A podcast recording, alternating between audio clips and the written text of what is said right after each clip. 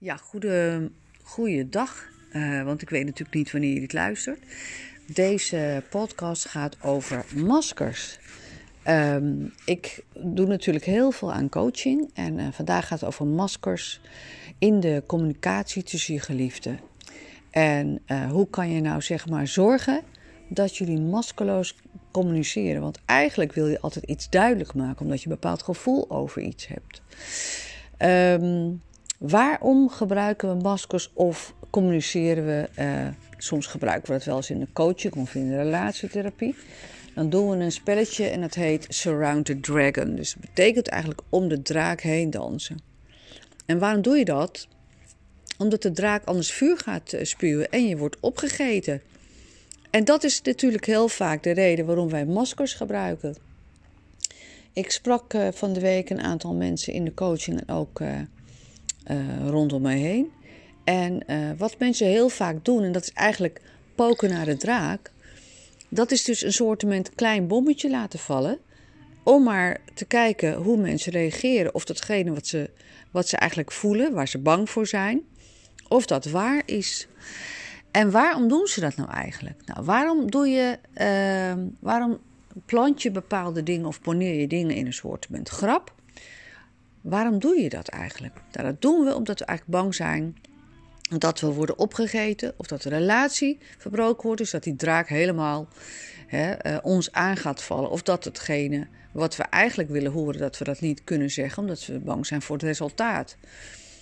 Maar als je nou maskeloos communiceert of dat gaat leren, dat leren mensen bij mij in de coaching, of oprecht zeg maar, gaat communiceren met elkaar, dan krijg je natuurlijk wel wat je wenst. En je wilt toch je Valentijn, je wilt je fijne, goede, liefdevolle relatie.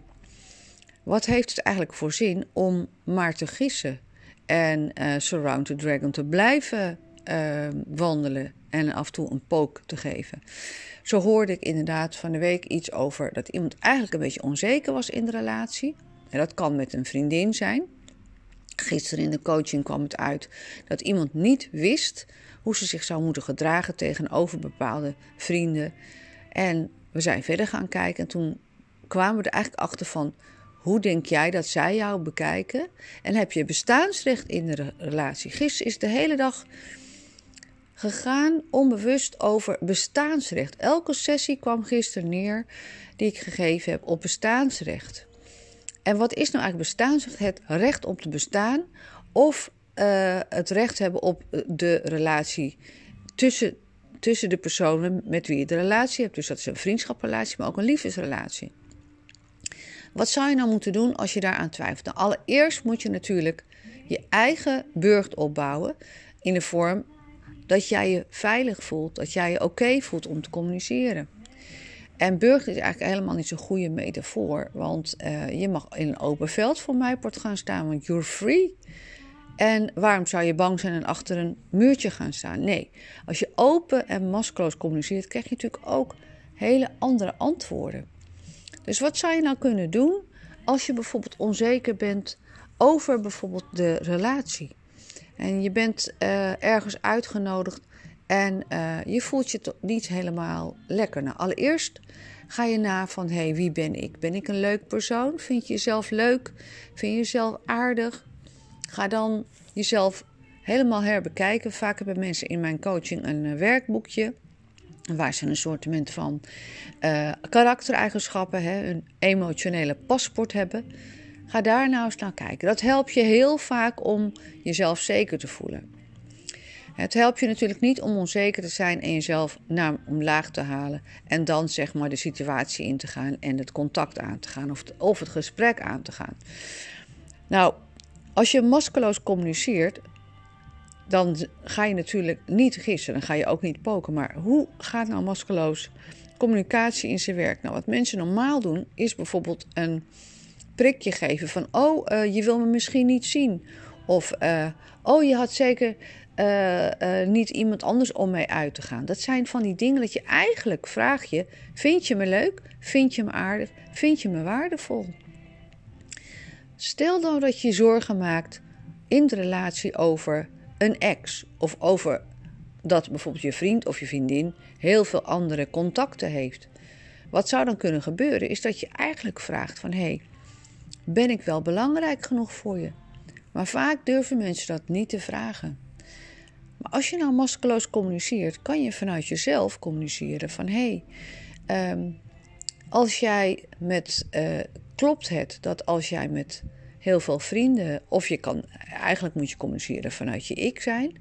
Je zegt van, goh, ik werk eraan. Dat zou je bijvoorbeeld kunnen opperen. Ik werk eraan. Ik merk dat als jij uh, heel weinig tijd voor mij hebt of maakt, dat ik dan een soort gevoel krijg van dat ik niet belangrijk genoeg voor je ben. En klopt dat? Ik weet dat ik er zelf aan moet werken. Want ik wil niet in een afhankelijke relatie zijn. Maar een van mijn regels is, en dan mag ik je regels uitleggen. De regels uitleggen van wat voor jou liefde en wat voor jou vriendschap betekent. Want dat kan betekenen dat jullie niet dezelfde regels hebben. Iemand kan heel veel van je houden of jou als een hele waardevolle vriend voelen en zien, maar niet elke dag willen bellen. Of niet elke dag of elk weekend jou willen zien. Of niet een bepaald uh, doel nastreven of niet een bepaalde omstandigheid of niet een bepaalde hobby met je willen of noem maar op. Ga nou eens na wat voor jou de regel van vriendschap is. En daar gaat het heel vaak eh, ook in de coaching bij mij over.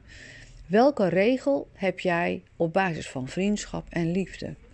Heb jij jouw regel uitgelegd? En probeer dat nou eens maskeloos te communiceren. Probeer op een maskeloze manier duidelijk te maken wat jij nodig hebt en wat jouw regels zijn. En dat mag je natuurlijk nooit opeisen, maar je kan het vanuit je ik maskeloos communiceren. En believe me, dat gaat heel veel opleveren. Het is niet altijd wat je wil horen. Dat heb ik natuurlijk zelf ook wel eens meegemaakt, dat ik heel verliefd ben op iemand. En dat ik gewoon eigenlijk merk dat iemand uh, geen tijd kan of wil investeren in mij. Dan kan ik blijven hopen en blijven poken en Surround the Dragon uh, lekker eromheen blijven dansen en me voor de gek laten houden. Maar als iemand nog niet eraan toe is of nog geen tijd voor mij heeft of wil maken, dan is A het gevoel niet diep of er zit een blokkade. Dan ga ik er niets en niets uit krijgen. En je kan iemand gaan blamen, je kan uh, iemand een egoïst noemen, een narcist noemen, wat dan ook. Maar het feit verandert niet. Als je vanuit jouw behoefte gaat communiceren van goh, klopt het uh, dat ik dat en dat opgevangen heb en uh, ik heb een regel of ik heb een bepaald gevoel bij een situatie. Hè? Dus als jij mij niet belt, krijg ik het gevoel dat ik niet zo belangrijk voor je ben. En klopt dat? Dus dat is eigenlijk maskeloos communiceren.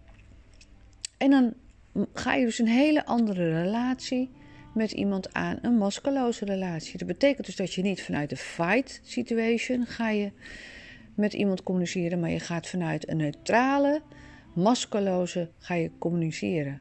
En uh, dan ga je dus een maskeloze communicatie aan. En dat is geweldig. En vergeet nooit dat alle triggers in jezelf zitten natuurlijk. Uh, dus als jij uh, heel erg veel aandacht nodig hebt, betekent dat jij nog niet heel bent.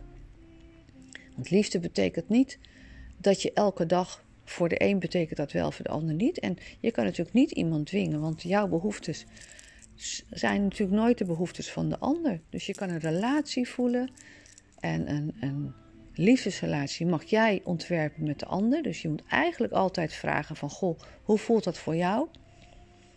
En het kan zijn dat jouw gevoel sterker is voor de ander en dat het nog mag groeien. Maar blijf open communiceren. Blijf onderzoeken vanuit een neutrale, mooie positie. Goh, ik voel dit en wat voel jij? Zodat de ander dus maskeloos kan communiceren.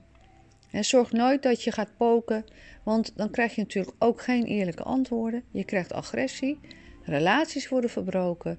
Het wordt eigenlijk alleen maar erger.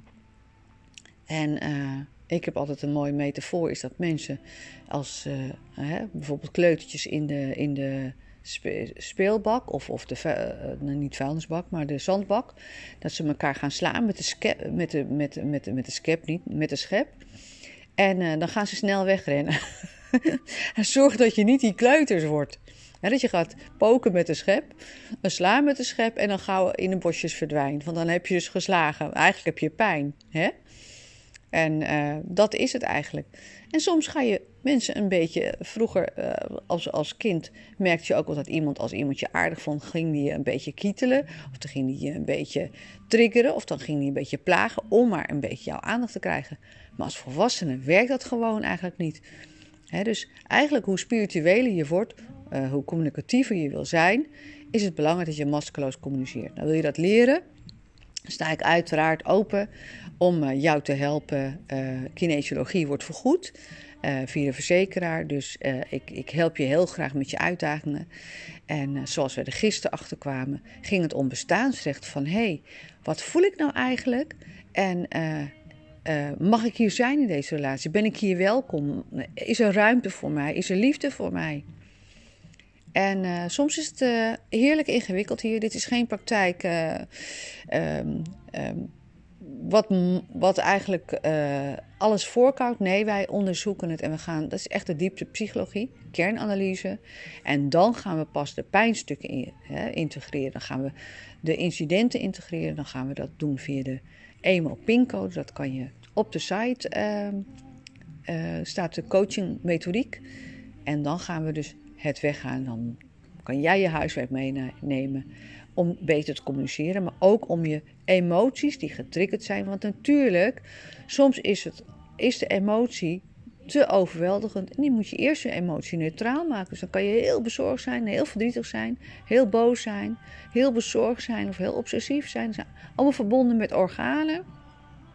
Die kan je door bepaalde ademhalingstechnieken kan je neutraal maken, zodat jij dus weer rustig en maskeloos kan communiceren. Nou, dat leer ik iedereen en dat is heerlijk. En uh, daarvoor vind ik mijn werk als trainer en uh, coach uh, zo fijn.